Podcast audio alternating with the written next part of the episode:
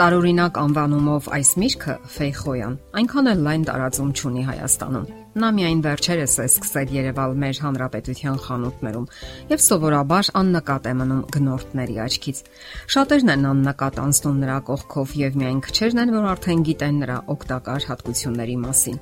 Ֆեյխոյա բույսի հետ կապված գոյություն ունի հինավուրց առասպել։ Գեղեցիկ մի պատանի սիրահարվում է ծովային թագուհուն եւ ապրում այնտեղ։ Սակայն հետագայում կարոտում է իր երկրին եւ որոշում է փախչել ծովային թակավորությունից։ Սակայն ծովերի թագուհին բարկանում է նրա վրա եւ նրան վերածում մի հիասքանչ կանաչ ծառի, որի պտուղները ծովային զեփյուրի բույր են արձակում։ Ասենք որ Ֆեյխոյայի հայրենիքը հարավային Ամերիկան է, իսկ իր անվանումը նա ստացել է բնական գիտությունների Բրազիլիայի թանգարանի անունից՝ Դե Սիլվիա Ֆեյխոյա։ Այս պտուղը հաճախ անվանում են նաև հատապտուղ։ Այն կանաչ կամ դեղնավուն գույն ունի, երկարավուն է բազմաթիվ սերմերով։ Ունի 5-ից 7 սանտիմետր երկարություն եւ կախված տեսակից 20-ից 120 գրամ քաշ։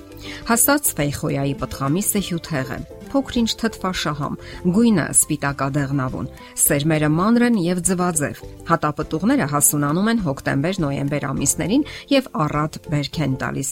Մեկ ծառից հավաքում են մինչև 30 կիլոգրամ պտուղ, իսկ սենյակային ծառից մինչև 3 կիլոգրամ պտուղ։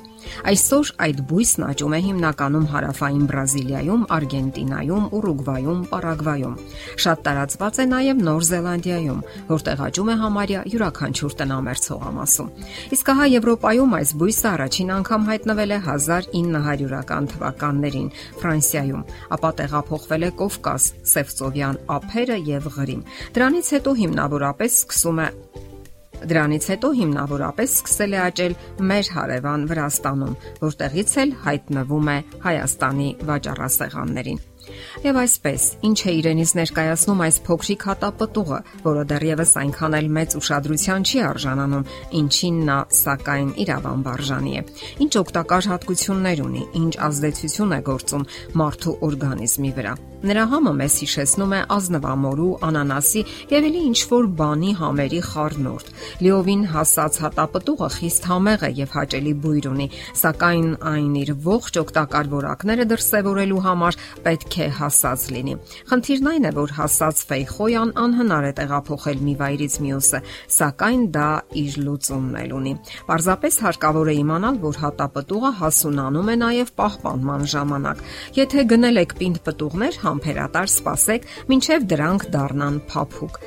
Այդ ժամանակ պտուղը նմանվում է դոնդողի եւ ձեռք բերում իր իսկական համն ու բույրը։ Մասնագետները պնդում են, որ ֆեյխոյան արհեստականորեն հասունանալու ժամանակ չի կորցնում իր օգտակար հատկությունները։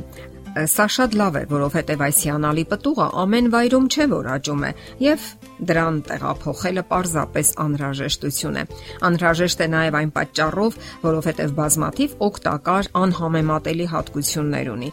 Ամենից առաջ նա միակ հատապտուղն է, որ յոդի պարունակությամբ չի զիջում ծովային մթերքներին։ Բնական միջավայրում աճեցված ֆեյխոյան ունի եզակի հատկություն։ Նրա մեջ մեծ քանակի յոդի ջրալույց միացություններ կան։ Որն է պատճառը? Ծովային զեփյուռները իրենց հետ ցնդող յոդ են բերում։ Ահա թե ինչու ամենամեծ արժեքն ունեն հենց ծովի մոտ արևի տակ աճած պտուղները սակայն դա իհարկե Ֆեյխոյայի միակ արժանիքը չէ։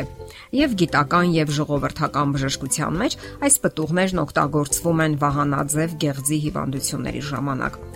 Այս պտուղը խորհուրդ են տալիս օգտագործել նաև C վիտամինի պակասի դեպքում, ստամոք սաղիքային բորբոքային հիվանդությունների գաստրիտի ժամանակ։ Բացի վահանագեղձի հիվանդությունից, այն օգտակար է նաև աթերոսկլերոզի ժամանակ, երբ օգտագործում են թարմ կամ մեղրով տրորած պտուղները։ Ֆեյխոյան հարուստ է ոչ միայն յոդով, նրա մեջ կա մեծ քանակի C վիտամին, ինչպես ասացինք, սախարոզա, պեկտինային նյութեր, բջջանյութ Սրանց քանակությամբ նա նույնիսկ գերազանցում է մյուս հատապտուղներին։